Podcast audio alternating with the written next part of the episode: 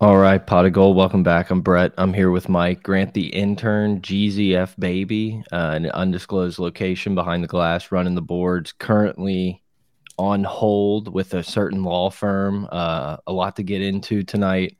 It turned it was going to be the college football preview, and it still will be. But there's some uh, some LSU breaking news hitting the wires. Maason Smith. oh. First team All American preseason All American defensive tackle Maason Smith suspended first game, but before it's a hit. No, that, Brett, yeah. it's a hit. It's a whack job. I just tweeted it out. This mm. investigation needs an investigation. This is bullshit. Yes. We're going to get into this in a second, but I want everyone to be aware. We do have a college preview show to go through. We're going to talk about LSU season, some predictions, top tens, final four predictions, which are kind of useless this time of the year, but it's fun nonetheless some underrated players uh, throughout the country. We can toss some names out there for Heisman odds, but make no mistake, Maason Smith's news just broke as we hit record, and we are going to do everything we can to deliver you that breaking news a day late and a dollar short. And so, with that, um, I think we have a, a message from our sponsors. Are you tired of fumbling through awkward conversations with your kids? Touchdown. Tim Tebow's here to help keep your family's online experience clean and safe. It's like having a quarterback for your internet, ensuring only family friendly content makes the cut. So, team, whether you're a parent or just believe in a clean online game plan, tune in and discover how Tim Tebow's parental control porn blocker is scoring big for families everywhere. Let's keep it pure and play smart. Huge, huge shout out to our uh, sponsor Thanks, for the evening. Yeah, it's been great. Um, obviously Swamp King, Tiger King, um, Florida documentary will will be discussed, and you know the highs and lows of it, the Tim Tebow documentary. But yeah, man, I guess we just kind of kick it off. We were literally about to hit the go live button, and Grant's like, "Whoa, whoa, whoa, whoa, whoa, whoa," and I feel like look, this doesn't happen a lot, but there's a lot of times like I get in the studio and Grant's purposely on mute, like not having his mic, telling me he can't hear me. So like I'm thinking this is a complete like scam of whatever he's trying to do to throw us off before we get started. And he's like Maason Smith suspended first game, which obviously feels like it's not legit, but according to uh, Wilson Alexander of the Advocate, I think uh, everyone's kind of running with it on Twitter. I'm trying lawn, to uh, lawn lawn confirmed. Well, then fuck. Then then I guess it's gold. It's the Odyssey. God. um yeah man i mean that is a that's a dagger it's uh i don't know i i had it's this fucking feeling hit man it's a hit like you can't two a week and a half before we play florida state we're going to do an investigation on Maason Smith. No, this has been going. I like whack job better. I like it's, whack job better. Right, this is a whack job. I understand that, um, but we have it's to cater to job. a region. Yeah. If this if this were if this were a Bama player, he'd be suspended for a quarter in week two when we played Grambling or yeah, Southern, for Mountain Valley Sister, whoever it is, not the game that, quite frankly, determines your future until November I mean, like that's that, that really defines who you are right out of the gates. Florida State's a great football team. They make no mistake about it. This is a coin flip game. You know, yeah. like this this is a very close matchup. Florida State's improved.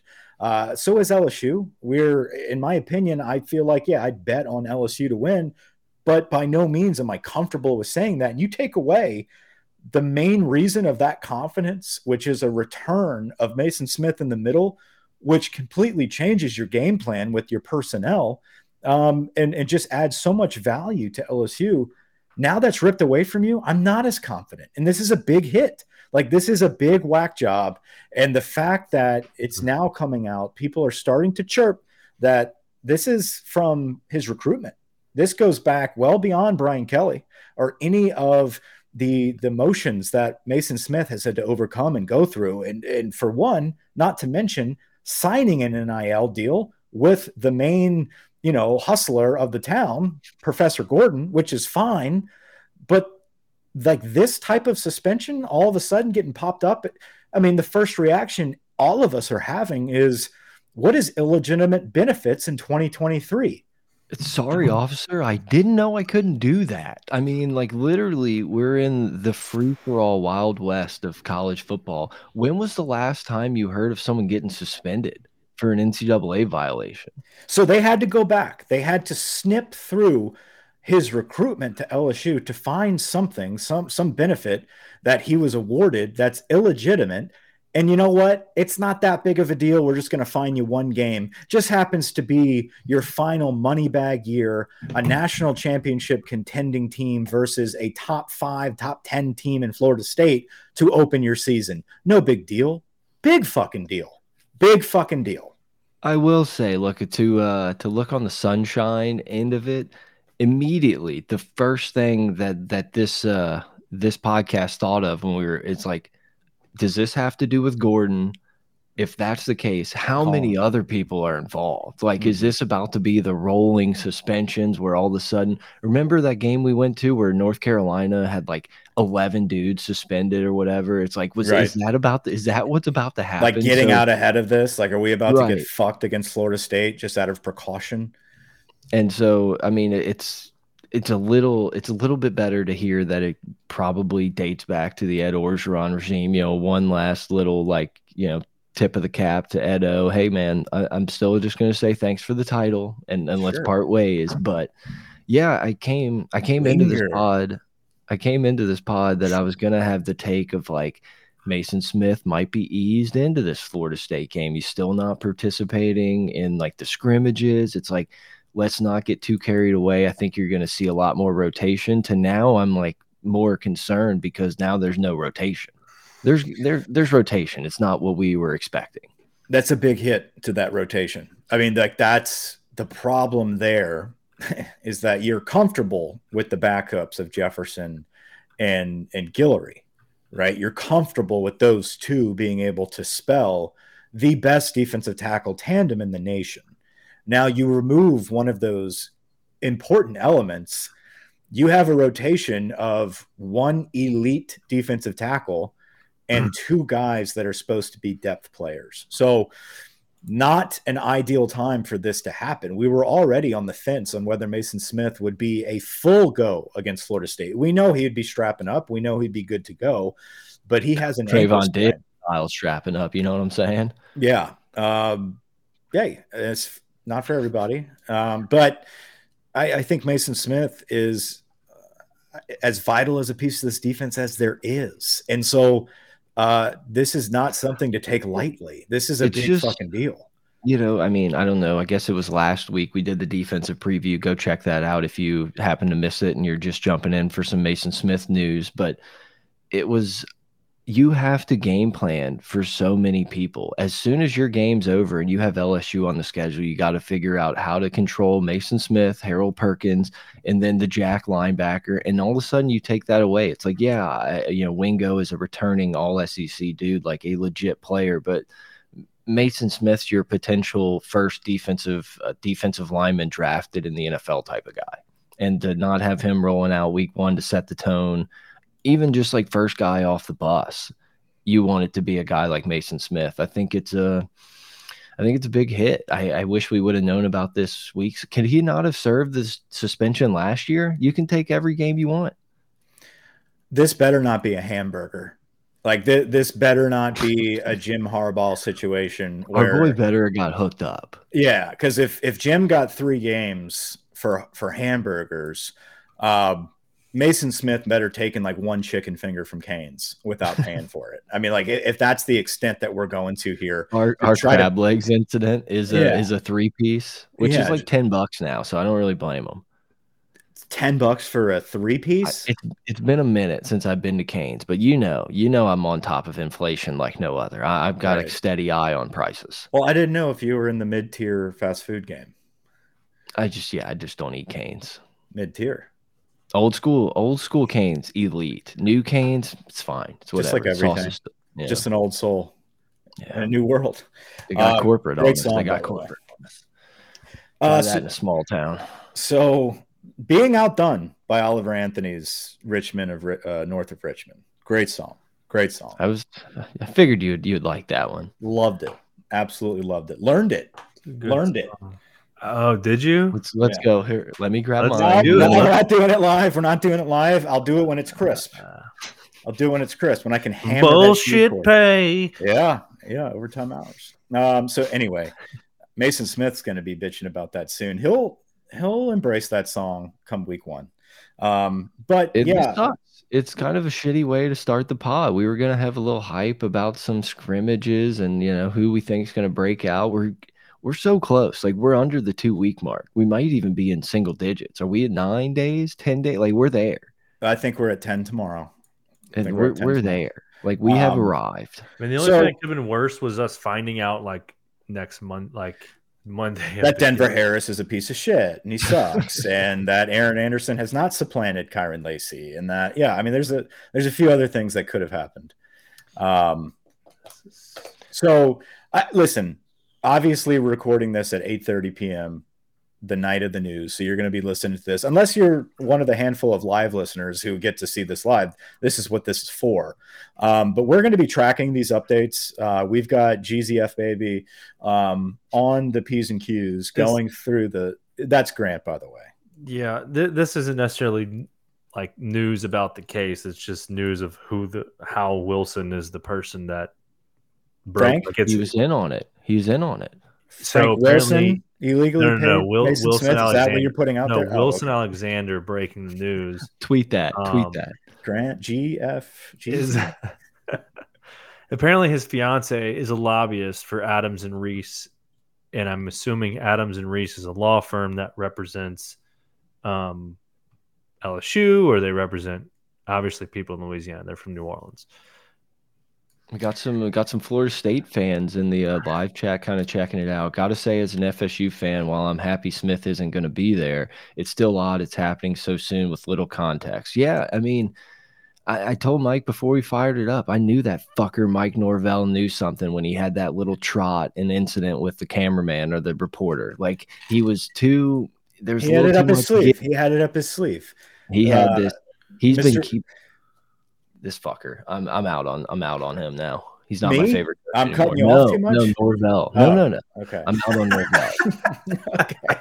Yeah. No. Uh, Mike Ward in the chat. Uh, thanks for the comment. But yeah, that's uh, it's certainly odd timing, and we're not sitting here being serious, thinking that Florida State has anything to do with this.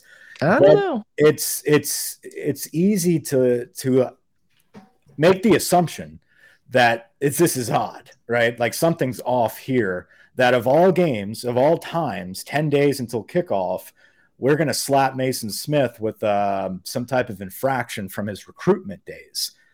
I, just it doesn't smell right, and that's what immediately led to us thinking: Is this deeper? Is this an NIL deal? Is this something to do with like Gordon cooking the books and he got caught? Like, what is the deal here? And obviously, if it goes back to recruitment, that's a little bit of fresh air because there's not a lot of those players truly left on this team that are contributing. Um, this also be, shows we'll this also shows you like how good of a king Saban is. Like Saban doesn't schedule. Saban schedules Texas week two, just in case somebody maybe has a gun in their car or gets caught stealing a Big Mac. We we got a we got a little ULL. They'll, they'll, they'll step it up and play Duke every now and then. Yeah, it's like we we're gonna ease into this just in case somebody like you know if this was if we were playing Florida State week two, we'd be like, oh great, Maason Smith's gonna have an extra week. He's gonna be ready to go. So once again, that's why I hate playing these premier games week one.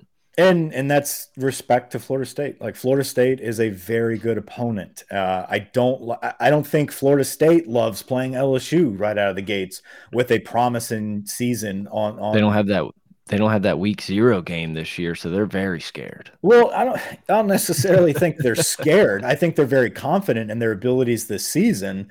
And if you don't have to fucking play an SEC team right out of the gate, like let's kind of save some of these growing pains from when we have to play Clemson and we have to play, you know, uh, Miami Syracuse. whoever, right? Like let's let's dominate Maryland. our conference. Let's not have to play LSU. LSU you know, vice, you know, on the other, on the flip side, we have to go through the gauntlet of the SEC. Yeah. So why add another team that is going to be pre-ranked in the top 10, returning a very hungry squad when we can go back and forth about the scheduling component of this. It's the timing of this hammer that's yeah. being dropped on this particular player from his recruitment days. Like that's and and I don't know. I'm sure. hoping this is not just a all right timeout. This might be a bigger deal than we think. So for anything, we're gonna we he can't play against Florida State because this might go on for some time.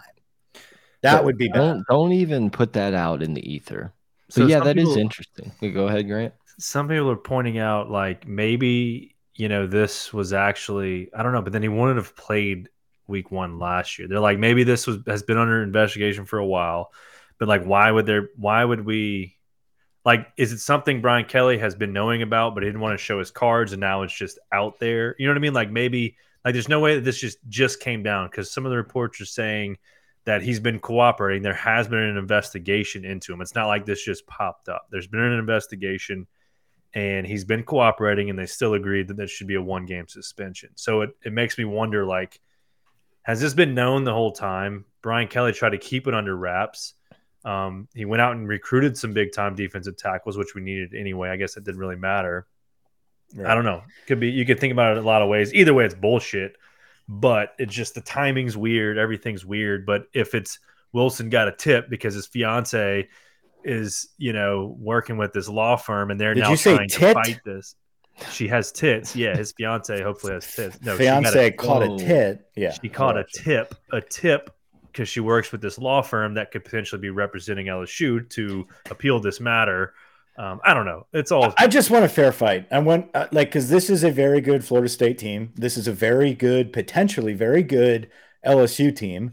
You know, I, I think last year was a great game, but there was all of these. Well, but you know, well, but we fumbled. Well, but we didn't make an extra point, and our well, but Maason Smith was out. It's like we got to do that shit all over again now, right? Like I just I want to be able to go nose to nose with Florida State and truly get a great game with your best 11 against our best 11 and let's see what happens right and that's what's frustrating about this is because they are a good opponent and I want to see how good we are right out of the gate and I'm sure they want to see truly how good they are right out of the gate as well the good thing about this the good thing about this is if things don't go our way, or maybe you know Florida State moves the ball a little bit more than we like, we could be like, guys, they didn't have the game plan for Maason Smith. Like SEC, that, and that's that's the thing. it's like we, you know, it's it, we're that's going to be hanging over our head the whole time. It's just like, well, we're going to get I'm Maason gonna, Smith back, and we're going to be number one. It's like, well, let's we yeah, still don't know. I'm going to craft some tweets over the next two weeks and just save them in the drafts for just moments where like a defensive line guy's out of position. Like Maason Smith would never. Like this game doesn't count. It yeah. seems like it seems like the consensus of people is like, what if we just played him? Like, what would they? What would possibly? What are they going to vacate our season? Yeah, I you mean, know what I mean. Like, the NCAA probably would do some crazy shit like that. like, how hey, funny would that be? How funny would that be? At this point, everyone's just kind of put their finger in the SEC or the uh, NCAA's chest and been like, "We're doing whatever we want." It's like Urban Meyer's Florida. Like, we're just gonna do it. I know, it's it's tough, but we're about 20 minutes into this show. Um, we have a lot to talk about when it comes to season preview top tens, uh, national perspective. Um, so if there's anything breaking about Maason Smith any further, obviously we will, you know, cut to that and and be able to to kind of divulge it and hypothesize and bitch and vent and gripe. But for now, I think we need to talk a little bit about this scrimmage that just happened, which they practiced for a couple hours and then they ran like 40 odd plays. Um, I, I, like just just before we start, I did want to give a shout out because our the friend of the program, Buddy Sanji, just like oh, always God. cracks me up, and like everyone's asking questions in the press conference about like who do you think is going to do this? He's like, how many plays you gonna run, coach? And it just cracks me up, dude, because he just is writing his article about the Tigers are gonna scrimmage for 60 plays and like this, and everyone else is like trying to work these like intricate stories about like what have you seen with Hilton's stride? And it's just yeah, it cracks me up every time where he's like, How many plays you gonna run, Bob? yeah. Uh, and he's never ready when he's called upon by Mike like when, whenever Mike calls on him, it's as if he's he just dropped in from another planet. And it's just like, all right, I'm ready to roll with my show now. You know, it's like it's thanks good. to the guy next to me who just has his name across the title. But like, let me yeah. let me lead this shit. I just had to shout out the goat because I feel like he doesn't get the love he deserves. Yeah. So you know, the latest love that they have been kind of drooling over has been Caleb Jackson. He kind of won the day at the scrimmage. And I, I, like what Brian Kelly said about the scrimmage, where this was truly about trying to identify who are the players we don't know about right now? Who are the players that were on the verge of breaking into the lineup or being depended upon during big moments and having seen them take a little bit of a turn for the better and their development. He mentioned Whit Weeks. Um, you know, he he mentioned some of the younger wide receivers. He mentioned, um, you know, what is Ashton Stamps going to look like against you know th these situations. So I think this had a lot to do with the development of the younger players and who's going to shine in these type of moments. Caleb Jackson, first glance, you watch the video you know, I, I remember this type of vibe whenever we were seeing clips from fall camp of Derrius Guice, where he was a true freshman. And it, make no mistakes, I'm not saying that Caleb Jackson is a freshman version of Derrius Guice. He keeps his hands in his pants. He doesn't go after the women, but um, eventually he will. It's just the nature Allegedly. of the beast at LSU. Allegedly. He will be that guy to carry us home. Um, I think right now he's still raw and those break those big moments shows that he's capable and that he's going to be a dude and i can't wait to see him develop but i i think what brian kelly's trying to tell everybody is like hey don't crown this kid as our starting running back right now i know how you people can get and y'all need to kind of dial it back a little bit be excited that the kid had a couple great runs but he also broke a tackle against Jordan Allen. He was also going against some scrubs at DB and linebacker that he shook out on the screenplay. Like it looked really good, and he should have scored, and he did. Um, and I think the effort was there. No one else really has jumped off the tape, regardless of who they're going against. So it is to be said, and it is validated for the praise because we have been waiting for that. We've been itching for that.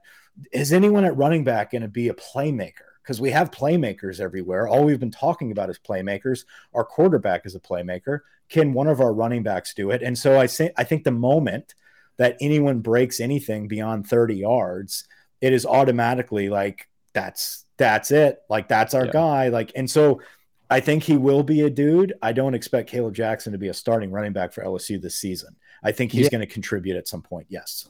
Yeah, I don't know that he's even going to see the field against Florida State. He might, but it's one of those things that you see something like that and you're like, okay, at least I know that like if you can beat this dude out, like there's people on this team in that running backs room that's going to be able to make plays. Like DB is way, way more of a question mark than running back because when you have so many dudes and honestly, a pretty fair amount of experience in the running back room, you have to trust that at least one of those guys. But yeah, I I don't know. It's one of those things that almost worried me because yeah, it was like a great run and everything, but it's like I wanted something else to come out of the scrimmage as like the big pop of like, oh well, Andre Sam is not going to be off the field. And I mean, they kind of did the putting putting your boy at corner. I just spaced out on his name, got the stinger. Um, um, yeah, Sage Ryan moved to corner. Ryan, but it's just like I, don't know. The big takeaway from the from the scrimmage was your third, fourth ish string running back popping some plays. I'm like, okay, cool. That's cool for next year. Like we're we're we're we're right here right now. I love the no gloves of Caleb Jackson. Like until it doesn't work. the other, the only issue with that is the only other report from camp that we've gotten is that he's fumbled twice, and so it's like, dude, this looks awesome. Like Michael Ford did it. Not many people, you know, else were able to do that. But the minute you drop that ball, like you're putting gloves on. Like yeah. there's no, there's no like, yeah, I don't wear gloves. Now you you do until you stop dropping the football. So it's Division One football. I, I, love I love brother. the bare hands with some tape on the you know the proximal end of the digit i think that would be you know a, a fun a fun look especially when they wrap the helmets when it kind of correlates back and forth with the fingertips and kind of the face mask anyway um, but I think you're right. It's it's fun to see. I think it, it, was excellent to know that he is talented enough to play in the SEC and he's going to get some carries. But I think this is Noah Cain's starting job. I think if Josh Williams is healthy, it's going to be Josh Williams, and I think you're going to get a steady dose of Logan Diggs, followed by uh, a mixture of guys in that second tier that Caleb Jackson has now proven he could probably be a part of. So I think that's where we're at with the running backs. I do think it's it's worth pointing out the Sage Ryan situation. Um, he was moved to corner for the scrimmage, um, which you know they say.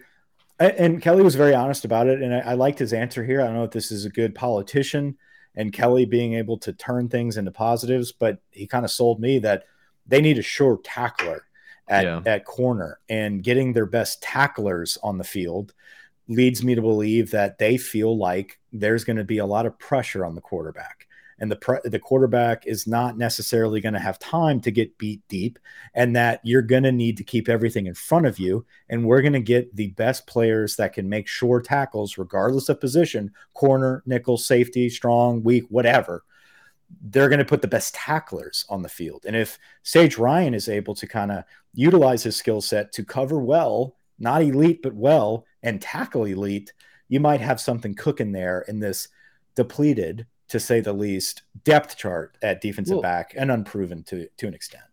It's a little worrisome when you think about the potential of LSU just being like, yeah, we're putting four safeties on the field every play. Like we're gonna put yeah. Greg Brooks in the nickel, we're gonna have Major Burns and maybe Sam mm -hmm. back there, and then we're gonna have Sage Ryan at corner. It's like that's a little worrisome. I, I will say I think I think it could potentially be a great move for for Sage Ryan because at safety, you could tell the dude has a lot of athletic ability, five star player. It just felt like it wasn't there. Like he didn't really Grant Delpit or you know go yeah. down the list of safeties of LSU where like you see him on the field, you're like, fuck, man, three years that's a problem for three years for teams. It just he I don't certainly know, just looked a, like a, player late. from a 3A school that needed yeah. time to develop against SEC talent. I think he was a dominant athlete that was so used to playing against fucking children and just like running circles around them. And I'm sure he went up against some good teams like in playoffs yeah. and, and all that. But I'm talking about day in and day out mm-hmm. throughout his career.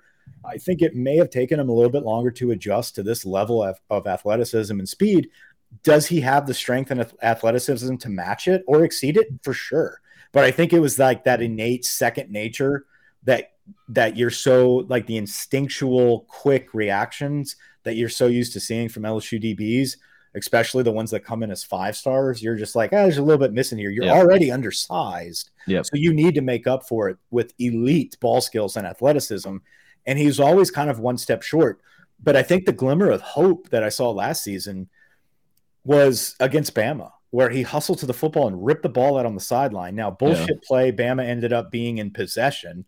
But that play was kind of like a, the first over the mountain, over the hump for me mm-hmm. with Sage Ryan. It's like this dude's going against the number one team and he's hustling down the sideline and doing a fucking honey badger move. Like he's ripping yeah. balls out when it looks like they have a, a, red zone play. Now, I think this is just to see if he can do it. I think Duce For Chestnut sure. is going to start. Yeah, um, but yeah, I think it could help Sage Ryan kind of being on an island and not being in the back end. And uh, yeah, Grant, you got I think I, no, I was just gonna say I think the the thing with Sage and why he gets so many opportunities too is because of his football IQ. It seems like he came in understanding the game very well. He seems to be in the right spot, but you know, like you said, Mike, to your point of playing in 3A ball or whatever it was, he's just not he wasn't quite physical, big enough, whatever. But I think he's always seems to be in the right spot and he understands the playbook. I mean, they wouldn't be putting him out there and moving him two weeks, you know, less than two weeks before the home opener if they didn't think he could handle it mentally. So I think that's the biggest yeah. thing for him is uh he can and do, it that, do that. We mentioned it last week. Also, it's like you can we can give these dudes a tiny a little bit of a pass to say hey it's possible they were mentally slow because it's a new system again it's like year two we could see that jump so uh, it just means to me that they want him on the field. He's going to be on the field. I think Sage Ryan's going to find a spot on the field. They want Greg Brooks on the field. They want Major Burns on the field. Um, and they want Zy Alexander on the field. Like, and it up to this point, they've wanted Duce Chestnut. So I think those are your handful of players that you're going to see starting at some form or fashion, some rotation against Florida State, uh, yeah, against a very, very good wide receiver and, and tight end crew at Florida State. Good size, like probably as, as good a size as we're going to go up against from wide receivers. And yeah, yes. that's that's the thing. It more worries me that the coaching staff is worried Chestnut maybe isn't big enough or mm-hmm. anything and it's like I don't know if we can just put this dude on an island number two corner. That that's my biggest takeaway from that. And they want to get Sage Ryan on the field. Would be really cool if Denver Harris would just fucking check in. Wouldn't it like, be nice? That would really just kind of put all of this at ease, you know. If, if maybe LaTerrence Welch was like our fourth, yeah. fifth corner and being a decent, probably contributor player, yeah, that would be that would be that would ease a lot of the anxiety going into or, or for this season.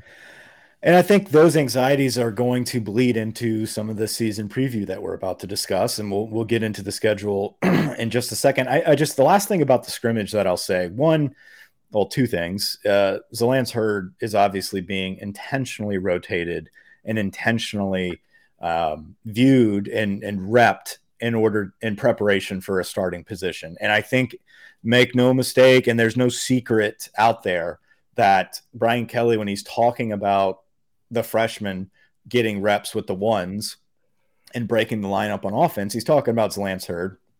And he got a lot of time there. I don't know if it's going to happen against Florida State, you know, going against mm-hmm. Verse right out of the gates. I mean, you could see a little bit of dipping the toes here and there and getting reps.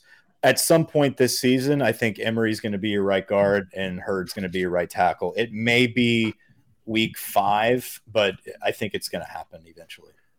Yeah, I think by the time we play Auburn, the offensive line is going to look a tiny bit different than it does against Florida State. I agree. The, the, last thing I'll I'll add here is I, Brian Kelly's not going to show a shit in these scrimmages. I mean, mm, he is he has sure. opened everything to every media outlet, friends, family, fans.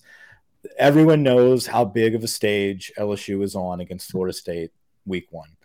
Um, they're learning the basics right now. They're teaching the fundamentals and they're going through the root of the playbook. And I think now we're going to start seeing more of an evolution of that and really working on those complex plays focused on Florida State. And maybe there wasn't a strong emphasis. I mean, like we hardly passed the ball down the field. It was very deke and dunk, very run oriented, very traditional. Malik Nabers, Mason Taylor, nothing special. Um, and at the end of the day, it was just like what we've been seeing in practice from reports. So that makes me feel like this scrimmage was no different than our practice 11 on 11. It was just so we could check the box and say we had a scrimmage. We got some of the young guys involved in kind of live scenarios with whistles and refs. And then now we're going to check in and fo focus on Florida State. Yeah, I agree. I'm I'm excited for the season. Um, I don't know if y'all saw this, but an incredible like PR 101 move by LSU. On Twitter, they posted that picture of first, second, and third team preseason All Americans. Yeah. And all the first team players were gold. Yeah. Second team was white. And then third team was like as close to white as humanly possible, but it was gray. and it just, it killed me. Like, what an incredible move to be like, hey, we're just gonna blur the lines. Just assume they're all second team. Don't don't look too far into it, boys. And it just a lot of all Americans. What a great move. So we can let's let's go through. We already went offense, defense, special teams. We talked about our team. Um, we're gonna probably focus more on Florida State coming up next podcast. Um, so we won't go in too much detail with them. I think, in my opinion, we haven't rehearsed this, but if we just want to pull up the schedule and go through, you know, game by game and a quick 15, 30 seconds of each game of like what, what our thoughts are, what their strengths are. Do we feel like it's a win? Is this a coin flip? First, we can kind of probably throw out like our predictions. For instance, hey, I think we'll go 11 and 1 and these are the two coin flip games. I don't feel like we can win both of these, right? And then we'll just kind of go through it like that. Yeah, like I think that's a good way to do it. And just to kind of, it's like watching the Florida documentary. It's like you get reminded how hard it is to win every game. And I know this was over a decade ago now. And it's like we we got to watch Tim, uh, not Tim Tebow. We got to watch Joe Burrow and company go 15 and 0, Cinderella story. And it's just like as much as I, I really like this team, I think even with the high ranking of preseason number five, like I, I think people don't really understand that LSU is going to be a problem this year. Right. And it's just really hard for me to say that this team's just going to go 12 and 0. Yeah, I'm in the same boat as you. And like and, 10 and 2 is more likely to me than 12 and 0. Yes. Like I'm not even Yes. like you know what I'm saying? That one loss, sure, I think 11 and 1 is pretty it, it's probably what I would pick, but it's like I think it's more likely that they would lose two games than go undefeated. I think their ceiling is uh, undefeated. I think this team could, in the best case scenario, and that that's not you can't always say that every year. Um, I, I didn't think it at all last year. Right, last year going into the season, it was like I feel like this is a nine and three team. Right, like I would, I, I think we are able to reach nine and three. 10 and two would be phenomenal. Right, I think this year twelve and zero is the ceiling. Um, I think that is your best case scenario, and that's definitely possible. I think your floor. I think this team's floor is nine and three. I think I this agree. team should be able to, not easily, but take care of business and win nine games, right? And and only drop three of those with this talented roster and this schedule. Um, what's Well, the likely may- scenario? I, I've got us going eleven and one. I don't know what that one is, but like you said, it's so hard to go undefeated in this season. Anything can happen. Hell, 10 days before your opener, you could lose Maason Smith, right? In a toss up game. Don't Um, say that, Mike. Don't say that. a week before Alabama, you know, you don't have somebody or, you Devin know, White gets suspended for targeting. right. uh, Harold Matthews Perkins, smoked some pot. Harold Perkins, fourth Let's quarter, not- the, the week don't- before, you know, it's it, but the point is, we don't have the dudes in like a Heisman Trophy winner and Maybe. you know a, a depth chart at DB, for instance, to sit here and say, "Hey, if shit hits the fan, we're still going to win every game." Like that. That's every year. There's always been adversity. The only year that seems like it was a perfect scenario was 2019, and that r- rarely ever happens, right? And so you're and gonna still and still you got lucky in an all not lucky, but you snuck away in an Auburn game. You completed a third and 17 at Texas. Uh, a Bama game, as much as LSU kind of dominated, they were still in that game. Um, so you it- it's just gotta hard. you got to rein in the expectations or the realistic uh, uh, approach of what could happen, right? And, like uh, that yeah. could happen. Like you could lose two or three games, worst case scenario. I think this team is going to be very good and they are going to compete for the playoffs this year. I've got them going 11 and 1. And um, Yeah, I think it's more of like the goal is to get to the SEC championship Mhm. game. Like it's like undefeated is maybe a maybe a year four Brian Kelly thing. You know, Nuss Nussmeier year two, we got everybody we want on the team. But this year, yeah, it just seems like one of those like, hey man, just grit and grind, get to that SEC championship game, hopefully with one loss, and you're right where you want to be at the end of the season. Um, like you said, I think LSU's floor is, is really high, and we lived through the the last Miles years of like the floor was super high, but the ceiling wasn't that far above the floor for the Mhm. most part, just because of what happened. And I think it feels a little different there, but I don't I don't have this feeling of LSU losing a game and all of a sudden they lose the locker room and they lose four or five games because no one gives a shit anymore. Like that's just not really the culture that that's been built. And like I hopefully I'm not not we're not clipping this and making fun of me in, in three months, but I just don't I don't feel like that. We got LSU got embarrassed by Tennessee and had every reason to just wave the white flag on the season and play in a decent bowl game and move on, and they didn't.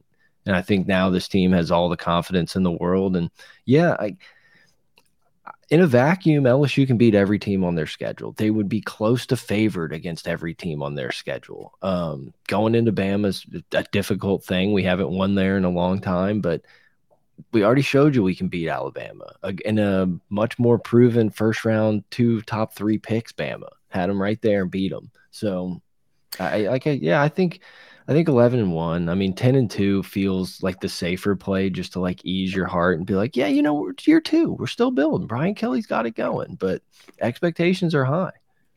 Yeah, they are very high. And I, I think you're right. Um, I think it, it's the Brian Kelly says this term transferable skills or transferable um, eh, tangibles, right? And and I think that is something that he's been able to maintain on his team and get kids that have those type of intangibles that can radiate and can be contagious. And so I think the locker room is essentially like winning a locker room over and changing a culture is what Brian Kelly was able to do year one and establish that in his program. So you're right. I don't anticipate an all out rebellion if we lose to Florida State and it's like, well, we can't rebound ever. We've yeah. lost the locker room. Season's over. What that's the edge that we have with this coaching staff and and being led by Brian Kelly is that these kids will stay on track and right the ship, blah blah blah. Um, with that being said, you don't have the depth at DB right now. You don't have Patrick Peterson or Morris Claiborne or, you know, Tyrann Mathieu back there. You don't have Jalen Mills back there. You know, I mean, like you have guys that need to prove themselves, um, and and there's some holes there. Linebacker should be fine. Defensive line should be fine if they're available. I think it really you, comes down to how how much can Jayden Daniels truly turn the corner and be a guy that will win you the games when the game is on the line, like he did against Alabama? Can he do that every single game for for this entire season? And if he does, you will have a playoff team, and he will be in New York. Yeah, you have to you have to hope that last year wasn't really a fluke and LSU is doing a great job of like preventing injuries and keeping these dudes healthy throughout the year because outside of Maason Smith last year, I mean, this team was as healthy as you could ever ask for from a college football team for the most part through the entire year. And I think you definitely need that. Like you said, man, I mean, if we're getting sting DBs getting stingers left and right, missing games, breaking a leg. Like that's when this team can run into some trouble. If you can stay clean, I, I think Daniels definitely needs to take that step. Like he's has potential to be the second, third maybe even the best. Like this dude has potential to win the Heisman. If you can get the ball to Malik Nabers, Brian Thomas, if you can run on people like you did last year, if you can hit Mason Smith over the middle for third, third downs to keep getting first, like this dude has potential to be not the best quarterback in LSU history, but but pretty close to the top. And so it's like there's a lot to lot lot up for grabs. I think he needs to go from efficient to MVP right? And I think right now he's extremely efficient and he knows how to keep the chains moving, but he has the ability to do way more than that. And to win a national championship, you need more than efficiency. Um, if you look at JJ McCarthy highlights at Michigan, right? Like very talented player, but very efficient, and he runs the ball very well. Very similar to Jayden Daniels when it comes to the Big Ten version, obviously, um, but the expectations for this season, right? If JJ McCarthy can turn the corner a little bit and start being an MVP and not just a very efficient player from Michigan, Michigan's a playoff team that has a chance to win it. And I think mm-hmm. LSU is in that same boat. If he can move from just being efficient to being the most valuable player when he's on that field, which he has the potential to be, this is a championship team. I think it was Denbrock. It it might have been Brian Kelly, but um, mentioned that last year wide receivers caught the ball with their back towards the end zone a lot, and that was just kind of what they had to do. And it's like open it up if that if that progression that year one to year two of understanding the playbook being able to call your own checks on the line because you see it like that's where this offense turns into like oh yeah daniels can pick it up with his feet to like you you got a you got a weapon and I think it was I think it was this week where they asked Brian Kelly about explosive plays, and he kind of talked about like explosive plays doesn't have to be chunking it up 50 yards down the field all the time. Like we need to get Malik Nabers the ball in space. We need to be able to get Aaron Anderson on a crossing route where the safety goes the opposite way and all of a mm-hmm. sudden this dude's got green field in front of him. Like if we can do that instead of just being I don't know, it felt like I don't even know if basic or vanilla would be the term, but it felt like our offense was just very, very standard. Like you picked the base spread formation on NCAA, you ran the same few formations, the same plays. And it's like if it opens up and we're doing a lot more things and Daniel's comfortable with letting it rip,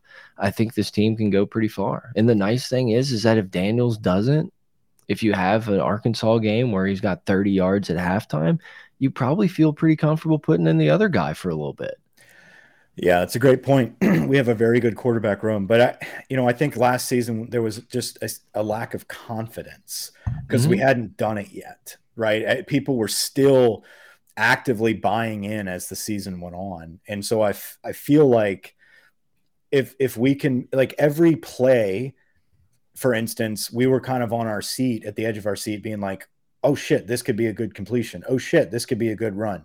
Oh my God, like he kept it for 10 yards. Like it just so happened that the majority of those oh shits, we ended up clapping instead of being like, what the fuck are we doing? Yeah. And so it worked. I think now we need to turn the corner on being confident. Like that when we line up on the line of scrimmage on first down, every time Jalen Jayden Daniels, you know, lets it rip, we know that this is going to be a first down right? Like we're confident that if he's letting it rip, he's confident and he's making this this this uh, maneuver to score. So you um, got the best. You got the best weapons you could ask for. I mean, I wouldn't trade our wide receivers room for anyone outside of Ohio State in the country.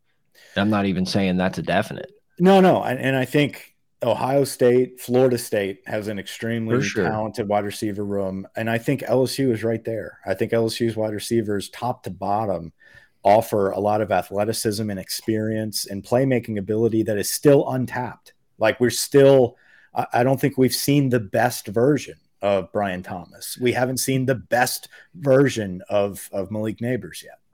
And to be fair, like we only know for sure who's number one. Mm -hmm. Like I, I'm with you. Like you know, I'm on the Brian Thomas train, but it's not like every every time media is at practice we're hearing about Brian Thomas Moss and dudes and one hand catching. It's like there's a lot of of balls up for grabs. Malik mm -hmm. Nabers is going to get the lion shares of it. It's going to be the Randy Moss ratio. We're one out of three. We're giving this dude a lot of balls.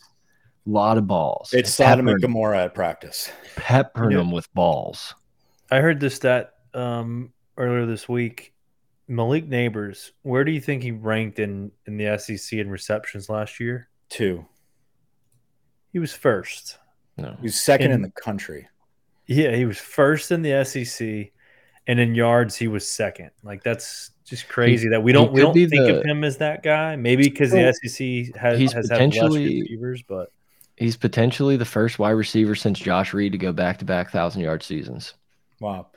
And and that's that's the thing is you don't ever have that back to back, right? Mm -hmm. Like we have those glimmers of big time seasons. It's like, Chase, oh, I wish Jefferson. I wish Chase and Jefferson would have done this their freshman sophomore years. right, right. And and that's the thing is you have a chance for Malik Nabers to take that next step. Now, what has been said a lot in some of these post uh, practice videos and and uh, synopsis is yeah, we can talk about fights. We can talk about Denver Harris. We can talk about the running backs, all that good stuff. But the the whole like non-discussed, like, oh well, yeah, like every it's a thing around practice is like how dominant Malik Nabers is right now. Mm. Like it's just something we kind of brush aside as like, yeah, he's doing great in practice. No, like Malik Nabers has completely annihilated the defense the entire fall camp to a point where uh, Shay and, and Brune were talking about how like they keep tallies of just like how many touchdowns and like it's kind of a joke on the sideline, like, yep, that's number six. Like they just they go through how many times he's just dominating in the end zone. So I think Malik Nabers is going to be the show pony for this offense this year. And it's it nice to weird. know that there's more than just him.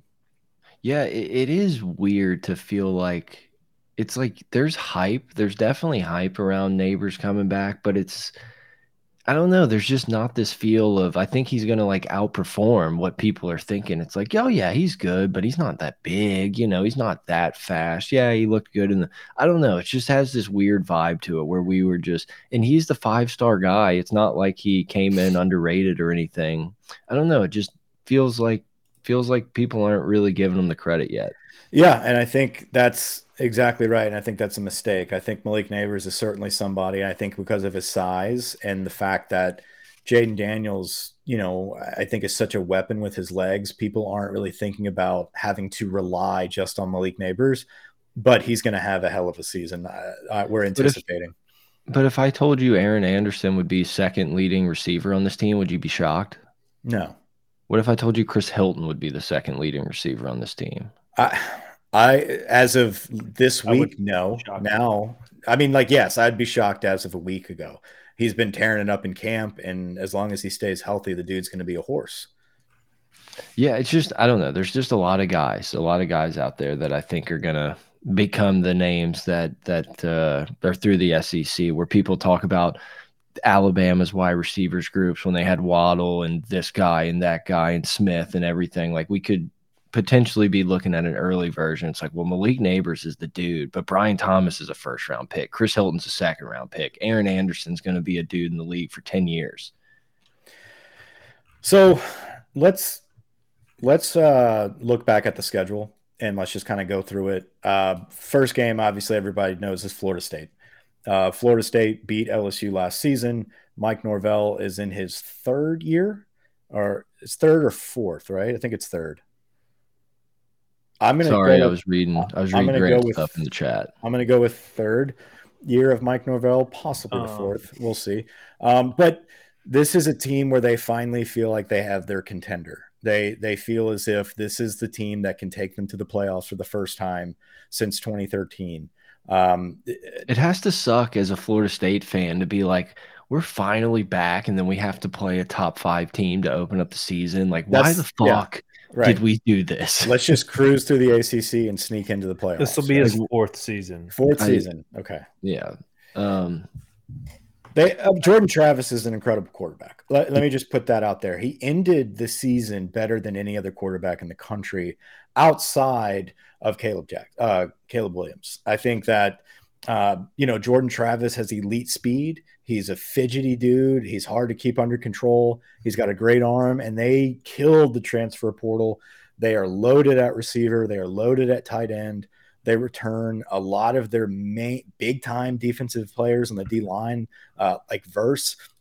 He's a guy that ate up a first game true freshman Will Campbell don't really know if that's worth bragging about. You know, the kid just got done playing at Neville. You're supposed to be a top draft pick. You should kind of dominate him. Round two, you know, Campbell's a lot, you know, more experienced now, and he's kind of the the anchor of the O line. But Verse is also an animal. So let's tip off. Let's tip off the NCAA. Maybe Jimbo gave that dude something eight years ago. Yeah, I think he did. He gave him a double cheeseburger. Um, so I, I, think I, I, I fully expect the game to be in question in the fourth quarter. Like I'm yes. not, I'll, I'll, be pretty surprised if LSU's up 17 in the fourth and we have the ball and it's like, okay, guys, let's just run this sucker out and get out of here. Like I don't think that's gonna happen. That means we had like a block punt or some weird shit like that. Well, it's not. Well, yeah, hopefully this. Well, you would think the special teams luck would fall in our favor for that game. Like it would even out a little bit. That's a coin flip game for me. I, I am not going to sit here and be able to say win or loss. Um, that I have them going 11 and one, and there is two coin flip games for me. Obviously, it's Florida State and Alabama, and so I think out of these two, these are the these are the coin flip games. I think we win one, we lose one. I hate saying that because it's you know it's the first game. Like to take the wind out of the sails right in the beginning would be a would be a tragedy. It'd be a sad day. It'd be a bad day. It's a catastrophe. um, the thing that worries me, like I, I think LSU could lose the Florida State game. I think they're gonna win. I think I mm -hmm. think mm-hmm. we'll be fine. What worries me more is how confident I am until we get to November. That's I think what worries me more that you could slip up against an Ole Miss or even an Arkansas because it just feels like, hey guys, we got through Florida State. Let's cruise control this sucker till Army, and then we prepare for the national championship. We we had a potential potential playoff spot, and we just shit the bed against A and M, a 500 ball club. Right at any week, you could lose a game in the SEC. I mean, these dudes are very talented across the board. A&M is stacked with talent. Florida has this whole Billy Napier revenge bullshit. We're going to be coming off the Alabama game. Auburn's got Hugh Freeze, who yeah. at any given Saturday, he'll find a way to beat you. You got Lane Kiffin at Ole Miss. I mean, and then you got Florida State to open the game. Like it is a, it's not easy, even outside of Florida State and Alabama. It's not a, a cakewalk. But you look at it and you say LSU should be should be a multiple point, you know, three to ten point favorite, if not more, in every one of these games. And that's the thing is, did we turn a corner as a culture and as a program where we're not worried about those teams anymore. All business, like, Pete. It's you're worried about Florida State and Alabama, right? Everybody else, you should be able to take care of business. We should not be having off weeks where we get beat by a team that only has four wins, right? And like that's that's where this that's the difference between last season and this season. If we become a team that doesn't slip up at Ole Miss versus Auburn, versus Florida, versus A&M. Like that's that is a championship team. If you don't fuck with those people, right? Yeah, if you think about the Tennessee game, we we took that game off. Like we we played awful in the first half and could never climb out of the but hole. They were we a great better. squad. They they but, were, but like Tennessee's not on the schedule. Yeah, no, I, mean, I know. I'm just saying from losses from last year, like we could have won that game. We just shot ourselves in the foot, and it set us back even more. And there, but the, the thing is, and like Brett just said, tennis, like we don't have a yeah, we don't even have that. Tennessee. yeah. But with that being said, like we didn't really know how good Tennessee was until a, a few games into that year.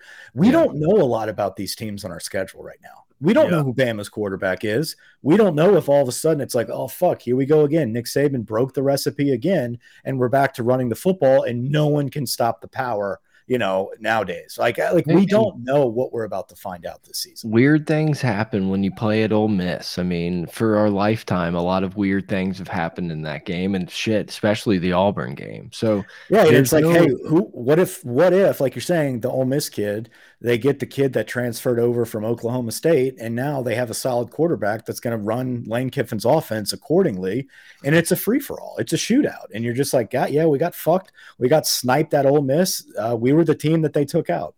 But it's just a collective because if you like look at all these games, you're like, man, LSU should beat Arkansas. They should definitely beat Ole Miss. Yeah. Oh man, Auburn year one. Are you kidding me? They should beat Auburn. But also, it's not gonna like completely blow my mind if they trip up in one of these games and we're just like, fuck, we let an opportunity go. Right. Now we have to beat Bama. Yep, exactly. And like that's that's the thing is like we should not be in those situations with this team going into this season that's what I'm banking on. I'm banking on we have turned that corner. I believe in this culture. I believe Brian Kelly has led enough day in and day out with the little details and the little things that the hay is in the barn, right? Like we we are who we are and we're going to be that team that's that's going to make a run and you can't lose to the the teams that you shouldn't lose to.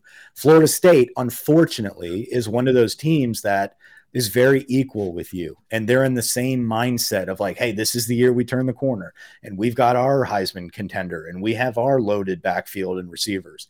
And they have a coach that really has his job still on the line. Like if he fumbles this season like he's fucked right with everything he has coming back. So huge game as an opener. We'll get way more into that next week as far as breaking down florida state and giving our predictions. I it is a coin flip. Um, obviously, my best case scenario is LSU goes 12 and 0, so I'm leaning LSU. I would I would put money on LSU if I had to bet the game. Um, if I had money, if I had money to bet it, um, but but it is the coin flip game. Obviously, you've got Grambling, which is a W. At Mississippi State should be a W. 11 o'clock kick, kind of screwy, but should be a W. First year for Bozo. Um, wake up early with those cowbells, only played night games up until then. It's like weird things can happen. It's just like weird things can happen after dark. It's like weird things can happen in the 11 a.m. Big 12, Big 10 kickoff. But it's but it's a W, right? And should and be should be a W. Versus Arkansas at home should be a W. Yeah, they have a great quarterback, a great running back, a lot of mystery everywhere else. We should take care of business at home. You travel to Ole Miss, feisty environment, feisty game. You know, hopefully by then LSU is sitting there at, you know, 4 0, going on the road for the first time. Oh, going on the road now for the second time in the SEC, a little warmed up. And you've got, you know, Lane Kiffin sitting there. Um, that's a battle that should be a W. At Missouri, should be a W. Then you come back home, middle of the season, hopefully sitting, what is that, 6 and 0 at that at that point? Yeah. Against Hugh Freeze and Auburn. Um, I feel like this is your first oh shit game. I feel like this is the first time, and I know they're not very talented yet. Hugh Freeze will be a problem. It's probably not this year, but they will make plays. They will keep you involved because of coaching. This is not going to be a runaway. We're not going to run them out of our stadium. Well, you could. Like if LSU comes in ready to go, it could also be a battle in the second half. Daniels is that guy, then it's like, hey man, let's put on a Heisman campaign. But if you come out flat and you're thinking like, oh man, we just got to get through Army and then we got a bye week and and then we prepare for Bama, that's when Auburn are, can snipe you. It is crazy to see that once you get to October, you leave Tiger Stadium twice. Yeah. Yep and you know, November is for contenders. So it's good to be home mm. when we're trying to contend. But and with the way the SEC is going, this is the this is the the easiest schedule LSU will have from here on out under Brian Kelly. And that's why I feel like you you're gonna you should have a win at Ole Miss at Missouri versus Auburn at home. You have a nice little you know you know run oriented Army game, which is a W. Then you got your bye to rest up and you go on the road to Alabama, who we don't have a clue what None. Alabama team that we're going to see this season. This team could still be number four or three, or they could be number 17 at this point. We really don't know. Regardless what a of this, that would be, it would be phenomenal. I, I know several people that never give their bold predictions, but are hanging on the fact that this is the year that they go seven and five. They they have a seven and five Alabama team. I don't either, but um, you know, I, I, I will quote I will quote uh, Big Camp on this one. Two things that that um, Nick Saban does not do, right? He does not like to win on the road. He does not like Hugh Freeze, uh, and he does not like Hugh Freeze or Jordan Hare Stadium. So you could you could potentially see an Auburn situation at the end of the year being another one of those teams that sneaks up on Alabama, on a, in addition to LSU, Tennessee, Texas, uh, A&M. I mean, like the, Alabama does not have the easiest road this season. Do I think they're going in seven and five? Absolutely not. But do I think, regardless of what they are, whether they're seven and five or 11 and one, November 4th is going to be an absolute brawl. And, yeah. and LSU is going to get the best version of this Alabama team, and they're going to go out swinging for the fences. And LSU needs to be prepared on the road against Alabama. Alabama is going to do everything they can to prevent the overflowing momentum from the season before and now going into it at 8 0 they're like this is going to be the biggest juggernaut that they try to knock off to prevent a new era of the SEC being run by Georgia and LSU. This is a huge game, regardless of record for Alabama at that point in time. Toss up. It's a coin flip. Yeah, it'd be it would be uh, really interesting to see Alabama playing with nothing to play for. Um, can he keep those guys together? Can he get yeah. them to play for nothing at Alabama? Or does it look like Swamp Kings year two, where yeah, we're everybody, we're everything, we're everybody. Uh, and the minute we start losing, like we lose the locker room, and Nick Saban yeah. doesn't have the fucking heart or willpower anymore to pull them out of that shit. I'm not going to believe that, but I hope it's true. Um, obviously LSU can lose the Alabama game, one thousand percent. I feel confident. This is as confident as I've been in a while. Looking ahead at the Bama game, it more every time I look at that Bama game, what worries me is looking at Florida right below it. It's like yeah. great that you get it at home, but like it, it does worry me that Bayou Billy is going to come down here with a three loss Florida team and just uh, be able to have that magical night against a completely banged up, beat up LSU team. That's what worries me as much as because going into Bama, we know we can lose. Like in that game, you're gonna sit around all day, nervous as shit. But like, you know, shaking Buckeyes, man, shaking the Buckeyes. But it's like you know that when that game ends, like LSU could lose, and you'd be like, "Yeah, man, fuck, man, I wish we got that, but that was a good game." It's like losing to Florida the week after would would be pain. Florida at home, November 11th, um, trap game. Certainly potential for a big environment. Is it the end of the Billy Napier experiment? Like, is this the beginning of the end of the Billy Napier experiment whenever he plays LSU this late in the year? Or are they riding a high? Are they riding some yeah. momentum of knocking some teams off and the recruiting starting to pick back up? And Billy Napier's winning over the program and, and the student body and the, you know, the school. Um, and LSU is caught sleeping after a very, very difficult Alabama game. It's it's got all the makings for if if Florida is trending, you're going to have to be wide awake for that game. If they are not, it's an easy victory. Um, and so Heisman, the next Tebow, that's what they're calling him. I, I anticipate Florida being absolute garbage. I have Utah beating them, you know, week one. So um, I don't anticipate it being an issue. It should be a W. Georgia State's a W. And then the final game of the season will be an absolute drumming of Texas A&M at home to send Jimbo Fisher finally packing. Yeah, I think the uh I don't worry about the A and M game. It's like there's there's going to be people in that locker room that remember last year. So it's like they'll be up for that game.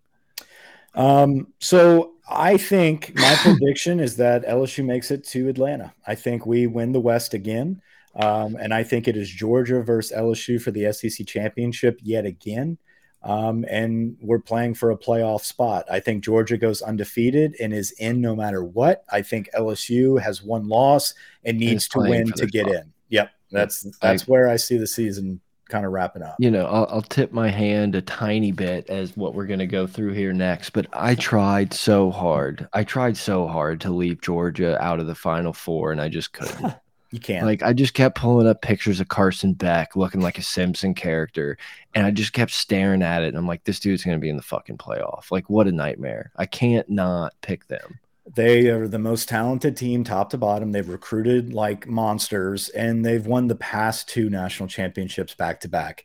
You have to throw some respect on that. And then the fact that they yanked Oklahoma out of their schedule, the only like potential shakeup outside of the SEC. It's like, guys, this is they have such an easy schedule. The first like insane challenge that they're going to have is LSU in the SEC championship. Now, are there holes? Sure. But I think Tennessee, Tennessee could be a game. Tennessee could be a game. I mean, Auburn, who who knows what's going to happen there. But that's it. I mean, like if they should take care of business, right? And I think LSU is going to be a big challenge for them. The SEC. It's not going to be the SEC championship we saw last season. I think this is going to be a bloodbath of an SEC championship. And hopefully by then LSU is humming and and by then Georgia has not been tested and we get to pounce on them. And regardless, they're in the playoffs. So it's really for LSU in their favor to to get that victory. So um, you want to go through your top tens? yeah, we can do that. Let's um, get the um, graphic. Yeah, while we get that while we get that graphic going up. Are you tired of fumbling through awkward conversations with your kid? Hold on, you tell me when you're ready, Mike. Touchdown. Tim Tebow's here to help you keep your family's online experience clean and safe. It's like having a quarterback for your internet, ensuring only family-friendly content makes the cut. So, team, whether you're a parent or just believe in a clean online game plan, tune in to discover how Tim Tebow's parental control porn blocker is scoring big for families everywhere. Let's keep it pure and play smart. Brought to you by Tim Tebow's parental control porn blocker. Yeah, I uh I would love Thanks, to once again shout out to the sponsors. Um I'd love to go through some top tens because – there's a lot of coin flips. Like it's just one of those things where there are so many teams jumbled. Um, I think I probably put put Bama higher than I even wanted to, but it was more of like a respect thing mm -hmm. that it's like I can't I can't put Penn State ahead of Bama. I can't put some of these teams there, so I'm just going to respectfully put them and let's uh, rightfully up there. Let's let's clarify this. We're going through our top 10 preseason polls. So this is not you know, I feel as if you know, if I have Ohio State at four, or you know, I, I don't think that they're in the playoffs per se. Yeah, right. I'll get into more. I'll get to mm -hmm. more of the playoff talk, but like going into the season before any of the games are played, this is who I believe is the top ten teams. Yeah, I kind of just felt like who uh, who I would trust if I were betting on these teams against the one below it. Who would I take? Grant, do you have them both all together, or do you have one, one, no, two? Yeah, no, they're they're like Mike's top ten, Brett's top ten, separate okay. but equal. Okay. Um, so we can we can switch back and forth Ray Allen style if we sure, need to. Sure. Um, you just bring them both we can, up? We can. Yeah. Um. I don't. Oh shit. I don't know if I can do that. Brett can go first. I can. I can go first. Number ten. Okay, I like that. Brett's number ten. It's in order of first to. It's one to. You can read. You can. You can't put it up. Wait, you have them individually. Yeah, it starts from your click... number one through ten. Okay, so we're okay. I was gonna go like build some suspense, but um, we didn't. we didn't rehearse all that. Can you? All right. all right. I mean, number one is the reigning defending. Like, I mean, if you, it's a lie if you don't put Georgia as your number one team. Even if you think someone's gonna take the throne and beat them, I think you you have to have Georgia as the preseason number one. Some question marks, lost some lost some people. Obviously, going to be breaking in a new quarterback, but I mean, looking at that schedule, it's just like Georgia's going to be around. Mm -hmm. Number two, it was the respect play. I, I put I put Alabama as number two because I couldn't in the deep in like in my heart I couldn't put Michigan ahead of them. I couldn't put Ohio State ahead of them. I think I think Alabama's going to have as bad a year as they've had in a while. Whether that's two losses, three losses, it's they're still going to be a good team. But mm -hmm. this was just fully a respect play, putting Alabama at number two. Number three, I, I went into my inner Mike and I just said, let's go Harbaugh in Michigan because I think they you will be to. the team. Yeah, I mean, they've been in the playoffs two years in a row. Jim Harbaugh has kind of built what he's wanted to build there. I think they deserve to be be the first team. Like they deserve to be over Ohio State. and then kind of in that same thing, I, I, had Ohio State at number four, and I was like, I, I think LSU is going to be better than Ohio State. So why wouldn't I put LSU as the number four? Respect, team? respect. It, what has Ohio State done to prove to me that they should be in that spot, kind of thing? It's like when when you're taking straw polls at your scrimmage on who who the quarterback is, and each position coach has a different answer. It's like I, I'm gonna go with I'm gonna lean on LSU in that scenario. I think Ohio State's got a pretty favorable schedule, can you know maybe end up higher ranked than LSU, but I think LSU deserves the spot here. And then I have Ohio State five. I just don't know what to do with Ohio State. It's like you can't put them any lower than five because it's disrespectful to who would be below them. But I also feel like I can't put them any higher. Um, so number six, yeah, that works. Number six, I put Florida State. Maybe I wanted to drum up the drama a little bit, but also it's like when you look at it, USC would be the next team. So I have USC at seven, but it's mm -hmm. like I think I trust Florida State more than I trust USC. At this point on, six through ten is kind of just like what what do you remember from the year before that's really yeah. sticking out the most? What do you think's going to carry over? Because Florida State could beat USC, USC could beat Florida State. You know, yeah. I, am sure your list is very uh, maybe not. No, no, they're they're they're eight through ten. You guys have completely different. Okay, all right, 10, which is pretty I funny. Think, I don't even know. I think I would possibly take USC if they were playing Florida week one, Florida State week one. But I just don't know that I trust USC's defense. Like when you actually need them, I think or I think Oregon is probably like the premier Pac-12 team and not USC, just because we don't know what they are on the uh, defensive side of the ball. But Caleb Williams may just backpack them to a playoff. Mm-hmm. Um, Be a fun game, Florida State versus USC this year. Mm -hmm. Number number eight, I put Penn State because I had no idea what to do with Penn State, and your boy Josh Pate keeps talking them up, so they're in my head, and I'm like, well, I mean, it would be nice. It would be nice to have Penn State beat one of these Michigans or Ohio State. So I think I just talked myself into I, getting them right there. I have Penn State at 13. Uh, it's hard. I, I don't I, I don't know enough to validate that. I know enough about three other teams or four other teams more than I know. And I think right now it's like, wait, where did they come from? Like all of a sudden they're in the conversation for like the top 10 teams. So I'm sure it's substantiated to an extent and they're probably very good. I just haven't seen enough to like know why.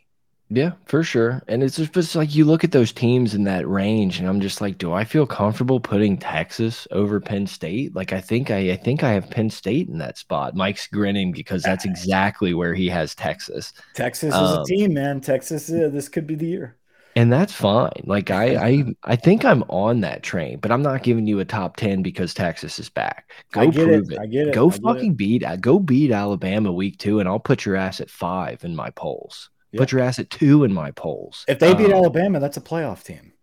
Yeah, that's so, all they need. But it's like I don't know. I don't think Texas deserved a spot. And then nine and ten, I, I went Tennessee and Oregon because it's the teams that I think could could be the rowdy teams people aren't talking about. I, I think Oregon is your dark horse to get in yeah. the playoff. They decently favorable schedule. Bo Nix coming back, which is still such a weird thing to say. um, I think they lost a lot of their offensive line, but it's just like I could see Oregon being that team, and I think they even did it last year, where it's like, guys, we got one game, and we're we're right where we want to be. Um, I think Dan Tennessee, Lanning is a very good coach. Yeah, I just I don't know. It's hard to looking at the teams below, and you'll probably get into some of them. I just didn't feel like yeah. Who are your other five? I don't. I'd have to look it back up. I did. I was told to do ten. I did ten. I okay. did not do All any right. extra credit. I did not do any brownie points. You have anybody on the cusp? Any? Is there one team that you were like, ah, I want to put them in there, but I just couldn't? I mean, probably you, Texas. Yeah. Do you want? Uh, do you want your your final four now or after Mike does his ten? Clemson, like, dude, I can't put Washington. Like, we're, we gonna fucking put Washington in our top tens. Like, I love Penix. I think Washington could be awesome, no. but like, we're talking about probably the third, maybe the fourth, if you count Utah, best right. team in that that conference. And I'm gonna put them ten. Like, yeah, it's that. too hard. It's too hard to split up. I, I agree. USC is in there because of the coaching, the transfer portal, and the Heisman Trophy winner. I mean, like you have to be able to respect that. Um, I think Oregon is right there for me. Um, they're they're right there. They're the dark horse pick that I have in in the Pac-12. But there's just a couple other teams, in my opinion, that are a little bit more proven that kind of prevented that from happening. But they're right on the cusp there. Um, let Brett go ahead and do your final four and then I'll go through my top 10 and do a final. Clemson Clemson was probably the other one that it felt weird leaving off. Yeah. But I don't think they deserve it. Go prove it, Dabo. Um, well, I think they, you know, yeah. Oh, I didn't yeah, know yeah. we needed finals and champion. Um, no, you you gave me that. I gave you final four. Right. So I don't I don't have neither one of y'all gave me champions. Yeah, okay. it's hard to call. I just playoff potential. So I hate mine. Like looking at it now, if it wasn't on a graphic, I would change it. My final four, I have, I have, I have Michigan one, LSU two, UGA three, USC four.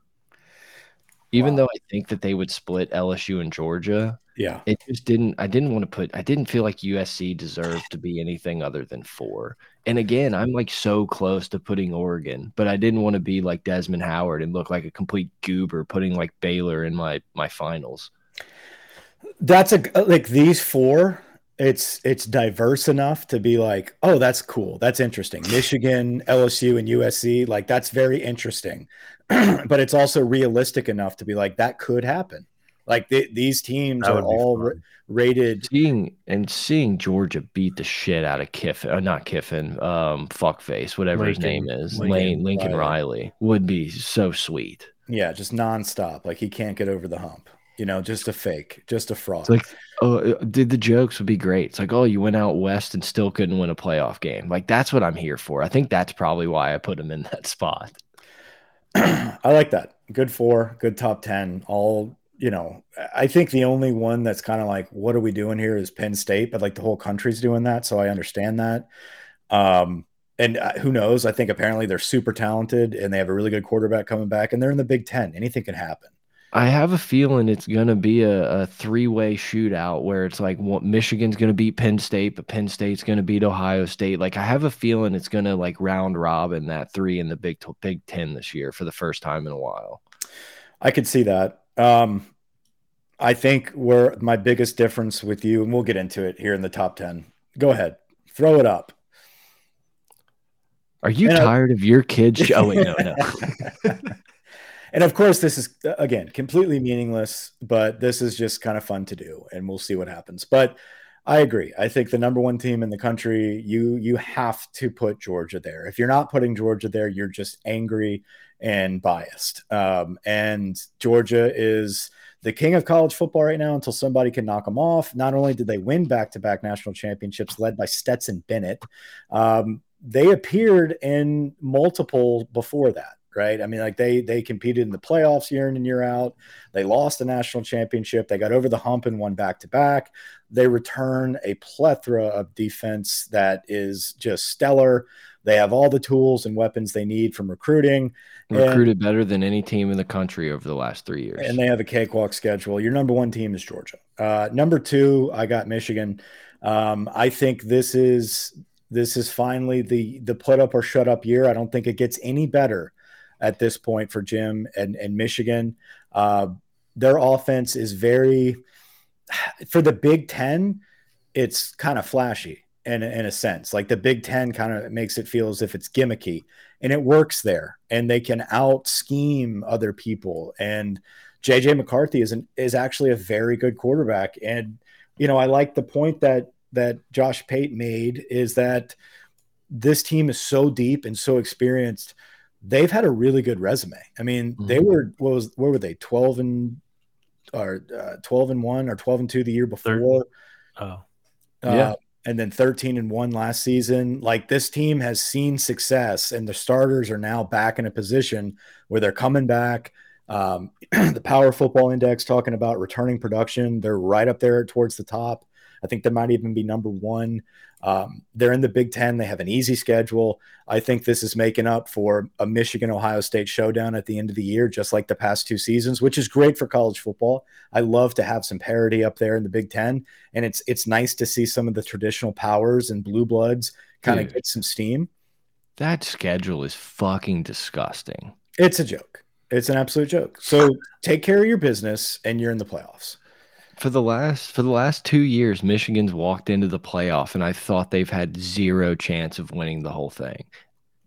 Can that step be you have a chance? Like that's what I want to see from Michigan because it's like there was an obvious difference between them and Georgia, and obviously they lost to TCU, um, whatever. But it's like that team wasn't beating Georgia either. Like, can you field a team that maybe gives you some confidence going up against that top SEC team?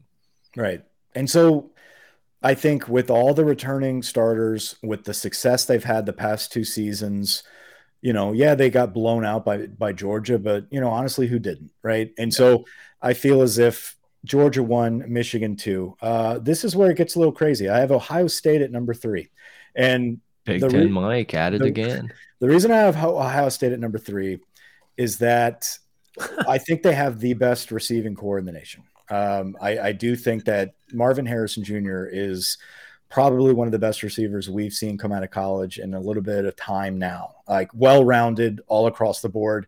He reminds me of you know Marvin some of those Harrison. some of those Bama receivers we saw about three or four years ago, where it was just one after the other. That's the type of kid they have. They also have a, a huge amount of uh, five star talent at wide receiver with him. It's not just Marvin Harrison Jr. Like they're loaded. They also returned two, you know, all Big Ten running backs. Uh, they got uh, one of their dudes to come back for his senior year. They have another thousand yard receiver coming back, Egbuka. Ibuka, yeah. I, yeah. When when Ohio State mm-hmm. looks right, they look like the best team in the country. It's like when you when they're clicking, it's like how do these guys lose? Yeah, and Who's then when it goes bad, it just looks bad. They don't that's, know. That's the issue. And so it's it's a coin flip. In my opinion, it's like, okay, do you throw Bama up there at top three? Do you put Ohio State up there at top three?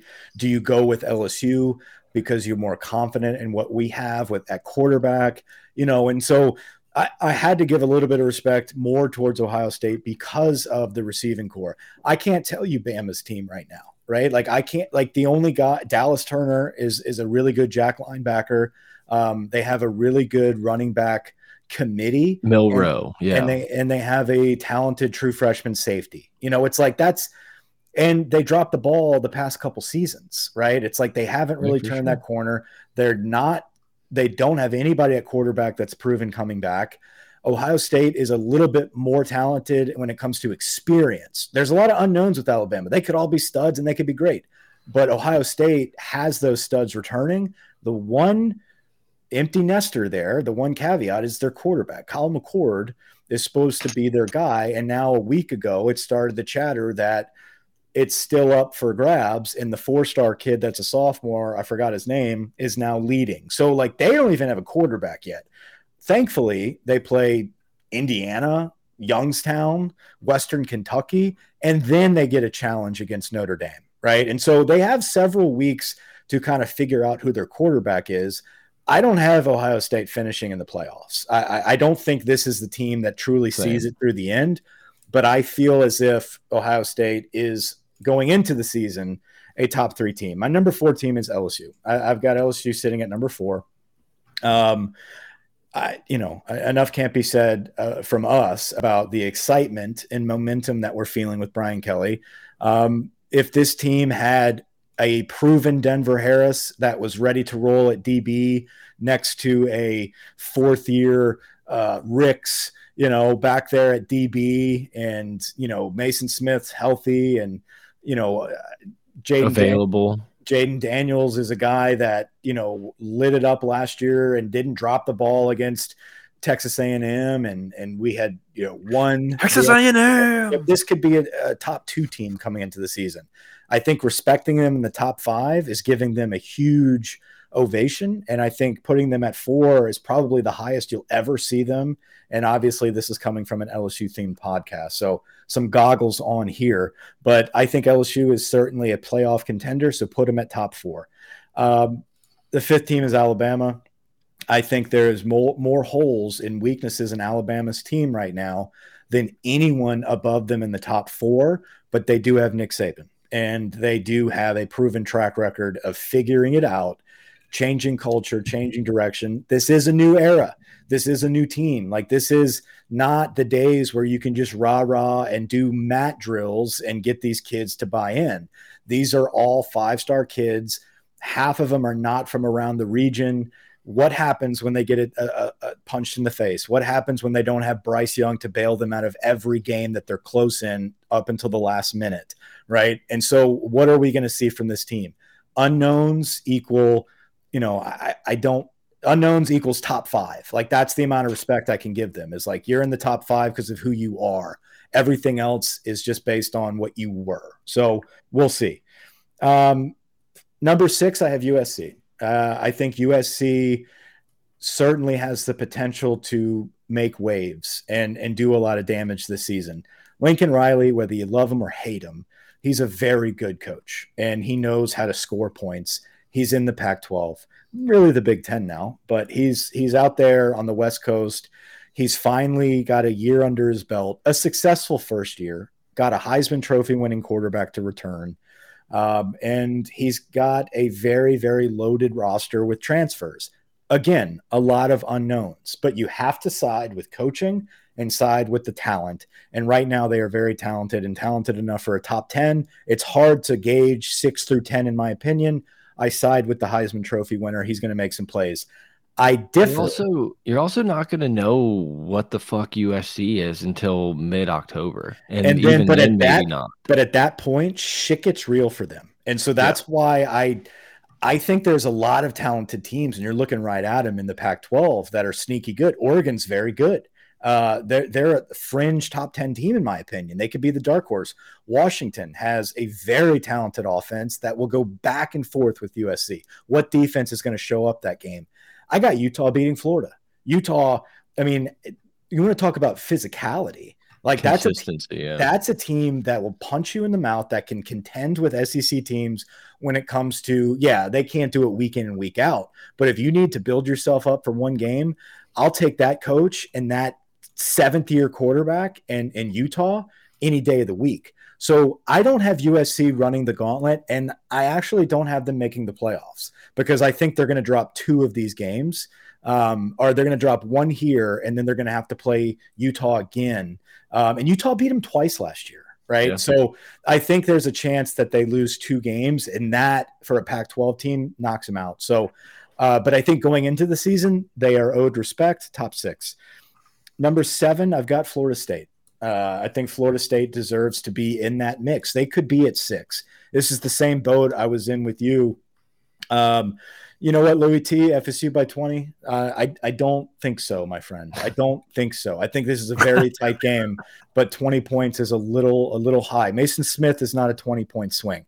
We're still good. We're, we're still going to be good. Um, anyway, with that being said, Florida State's a, a, tremendous program right now. They've got a lot of momentum. They haven't proven shit. They haven't won shit. Um, and so I think there's a lot of unknowns, just like USC. You could flip flop either of those teams. You could flip flop Alabama out today. We'll see what they look like eventually.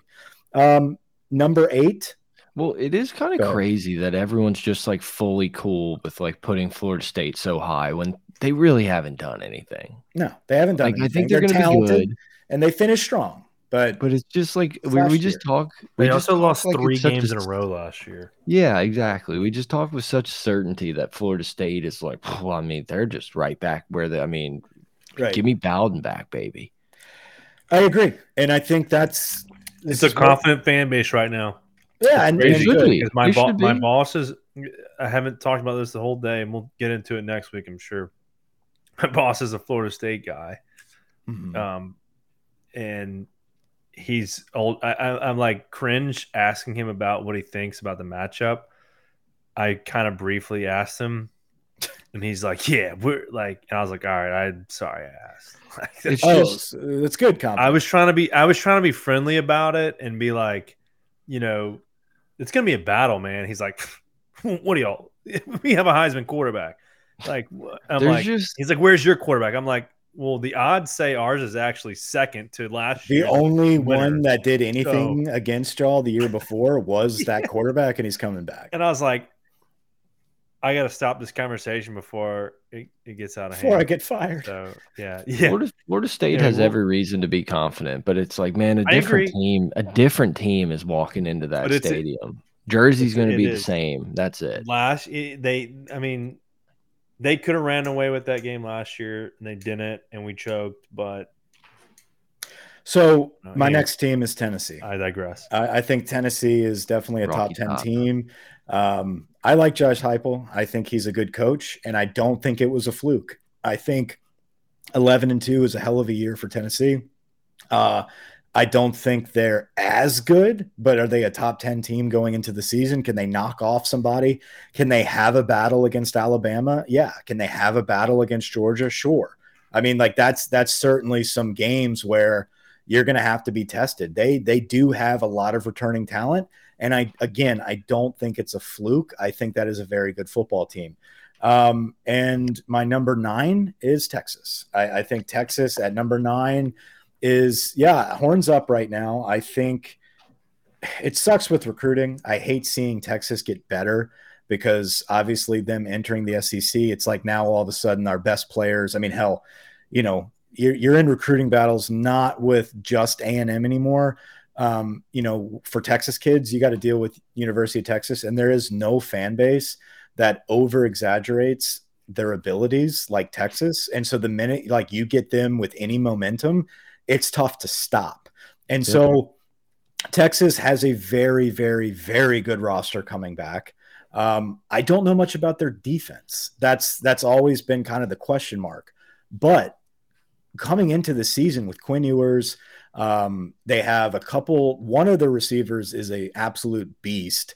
Um, look at that schedule outside of Alabama. Like if they take care of business, this should be the best team in the Big 12 by a long shot. And I think the biggest battle is at Alabama. If you can get past Alabama, this mm-hmm. team has a legit chance at the playoffs. So I think getting them in there in the top 10, I think based off of what you saw from Quinn Ewers in that offense when they were humming at full potential, if you can get that full potential back coming into this season, it's a top 10 team.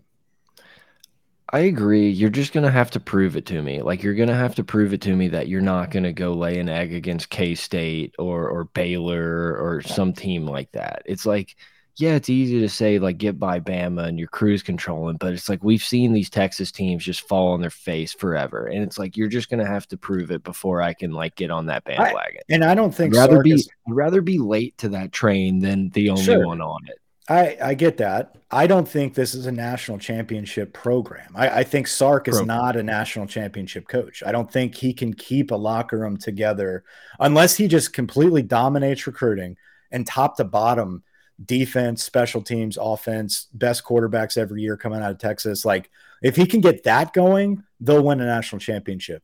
But I think I don't see him being able to do that and competing with recruiting at that level with Georgia, Bama, um, and and the likes of those in Ohio State.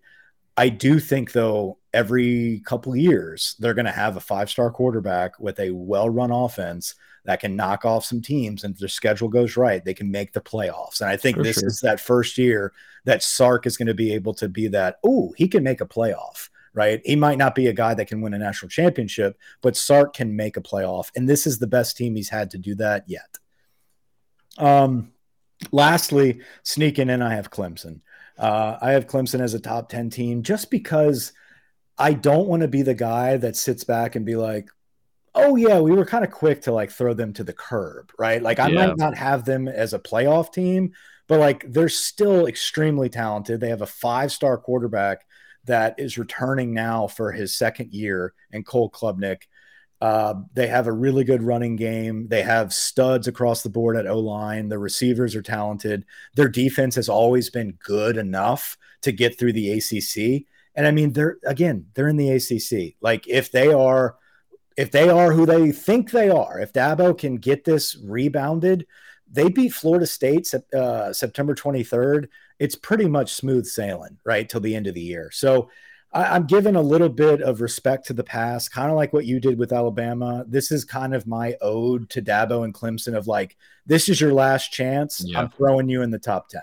No, I agree. It didn't feel good leaving Clemson out of my top 10. That was the one you kind of look at. You're like, hmm, they're still king until the Seminoles can actually exactly throw that spear into the ground. Right. And so could they have a couple years where they were just kind of rebuilding and they still won 9 or 10 games like sure and this is their rebound year. Like that that I mean they won 11 and 3 last year and like we're we're acting as if right. you know, although they did get their ass kicked by Tennessee. And that's why I have Tennessee in that respect range of like hey, the rumors the, the rumors of my demise were greatly exaggerated. Right.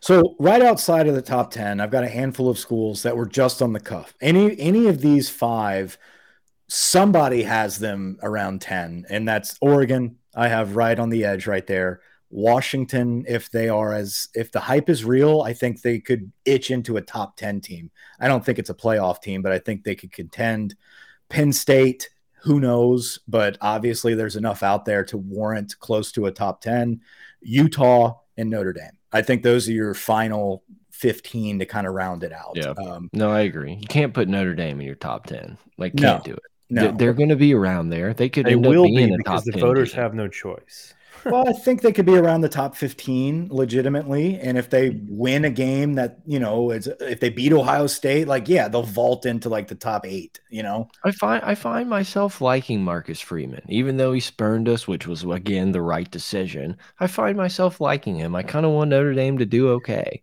if if if it wasn't Notre Dame, I would probably pull for that program. Like I would pull for Marcus Freeman and be like, right. "This is a good story." Like he was, you know, shoved into a head coaching position for the first time, and it's fucking Notre Dame. Like yeah. coming off the heels of Brian Kelly, like that's a tough gig, you know. And so, yeah, I, I they have an interesting schedule to get in the playoff, you know. No, they they if they make the playoffs, they obviously earned it to an extent uh, actually, now that I'm looking at this, oh, Ohio State's there. Yeah. So yeah, Ohio I mean, State, USC, Clemson, uh, that those are your big games, right? And and if you're Notre Dame, that's all it really takes. You win those big games, and obviously you're you're, you're probably number one in some of these voters' eyes. Should be a really fun um, USC Notre Dame game, a little tradition. Bring it back. So my playoff predictions, and I didn't actually decide on, on one of them in particular, um, but I've got LSU in the playoffs um, against Or I got Georgia getting in there playing Michigan um, because I think LSU beats Georgia in the SEC championship. Georgia falls down to four, and I think um, Michigan is probably sitting there at number one. I don't know because we might have a loss. Michigan's undefeated, whatever. Georgia, Michigan, LSU gets in the playoffs, and I think we play either Texas or Clemson. I, I can't. That's disgusting, Michael. I, that I is disgusting. Well, let's. Well, I'm gonna just. I'm gonna talk it out here. These are my two options. If Texas beats Bama, I feel like they are good enough and they have the path where they're in the playoffs versus LSU. Clemson, if Clemson returns to the Clemson of old, I think their path is clear to the playoffs. I think USC obviously is a better team. I think Tennessee is a better team. Um, but I just think the road to the playoffs is a little too rocky for me to be confident. I think it's down to these two. And if I had to pick one, I'm probably going with a Clemson rematch. I've got LSU, Clemson, Michigan, Georgia. Yeah, it's so. But I had to I had to tip my cap to Texas there a little bit. It's disgusting. I, I I'm appalled by what I just saw. It could happen, man. That's a bold predict. That's a bold. No, it's predict. not. It's not when you put five in your four. It's not a bold prediction when you put five teams in four spots. then you know what? Then you know what? Texas. Uh, that's, that's, the fine. prediction. LSU Good. versus Texas in the playoffs for the, in Rose, the Rose Bowl. Bowl. The Rose Bowl. I've got Georgia and Michigan getting the New Orleans Sugar Bowl slot.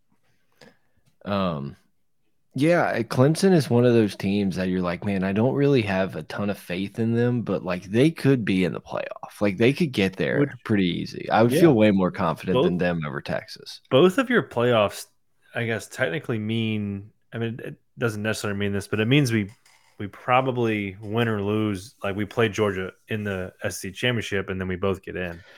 Or Alabama or, or, we have lost to Alabama, they have another loss somewhere else, and then they lose the SEC championship to Georgia, and we sneak in late. That would be the ideal scenario to not even show up to Atlanta. Yeah. Let Alabama and Georgia play out, but that would suck. Like having our lives in Georgia's hands with Nick Saban as one last hurrah.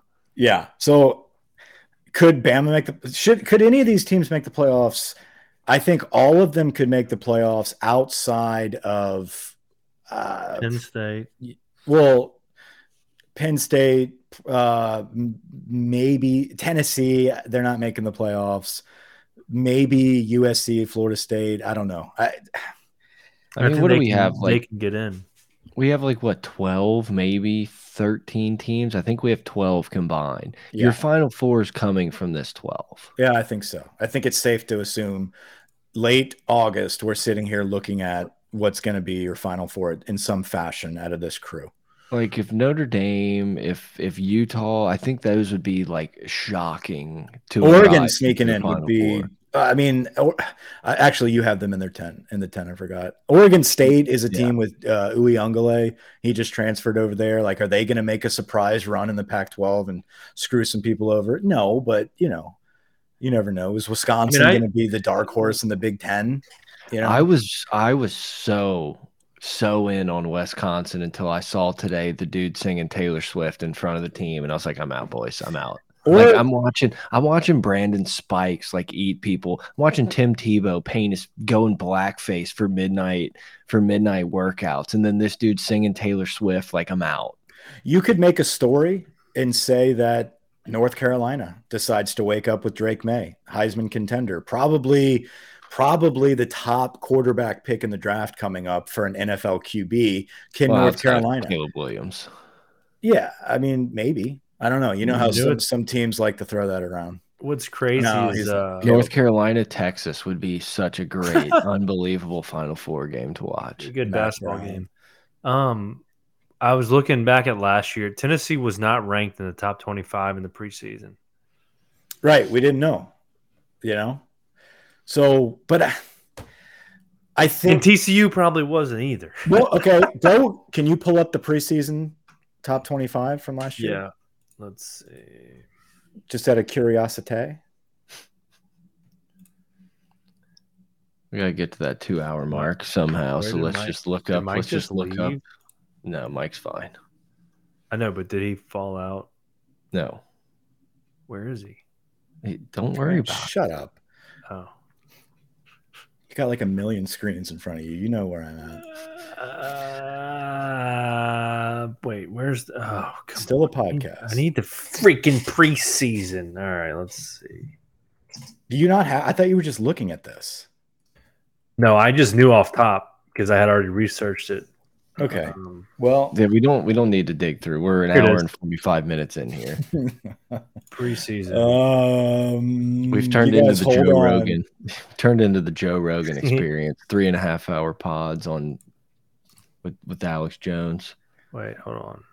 I can't. I can't hold on any longer. Uh, I, I would right. assume That's Alabama. It. Okay, so Alabama, Ohio it. State, Georgia, Clemson flop, Notre Dame flop, Michigan, a&M flop, Utah not a top eight team after it was all said and done. Oklahoma flop, Baylor flop, Oklahoma State flop, Baylor, Oregon shit. flop. Yeah, I mean, wow. NC State hovered in the top 25. I did research that. What a vanilla. Top. Michigan State flop. This was like going into it being like, okay, Ohio State, Georgia, Clemson, Alabama, Arkansas, Ole Miss, and Houston. Like none of those teams. Kentucky kind of flirted in there for a while, then they shit the bed. So did Wake Forest. I don't know. I kind of feel it's weird, man. Like looking at our top 10 going into the season, I'm like, way. I feel like if I looked at this list, I'd be like, yeah, actually, no. I remember being bullish on Baylor, to be honest with you. Is this real? Yeah, I mean, dude, we little we forget Aranda had it going for a minute. Yeah, and then Oklahoma was returning a lot of players. Yeah, it was the first year of Venables, yeah. but we thought at least they'd be in the top shit. ten. I am interested to. We got to keep an eye on Oklahoma because rough. They could be that, that little one that comes through and just like, I remember us. Like we're we're still very physical, mm-hmm. good, talented football team. Or they can be as bad as they've ever been in a two year stretch walking into the SEC. Yeah, very. Wait, they're I mean, not even. Oh yeah, they're, they're ranked twentieth. They're ranked twentieth this year in the preseason. Back back so long ago when Venables was the defensive coordinator for Oklahoma. Yeah. Holy Bobby, are you tired of fumbling through awkward Touchdown. Touchdown. Tim Tebow's here to save the day. Uh, I think that's a show. That's a pod. Yeah. I don't I don't I think an hour 45 will do it. Yeah, I'm starting to sweat. Need some water. Do the Twitter, do the thumbs up, do all that stuff. Yeah, share the show. Gold Mike. Share the show with your friends. Like we're here. If you've this if you've last year's Heisman contenders. If you've been hanging out with us for this entire almost two hours, be the be the guy or girl that shares this with your buddies. All right. Thanks for the Florida State fans for showing up. Show this off to your Florida State fans. Get them pissed off, riled up, talk shit. Florida State sucks, dude. We're gonna beat their ass. I'll be there, guys. Boots on the ground, coming to you next week. We'll be potting from. All right, over now. Over now. Over now. Congrats.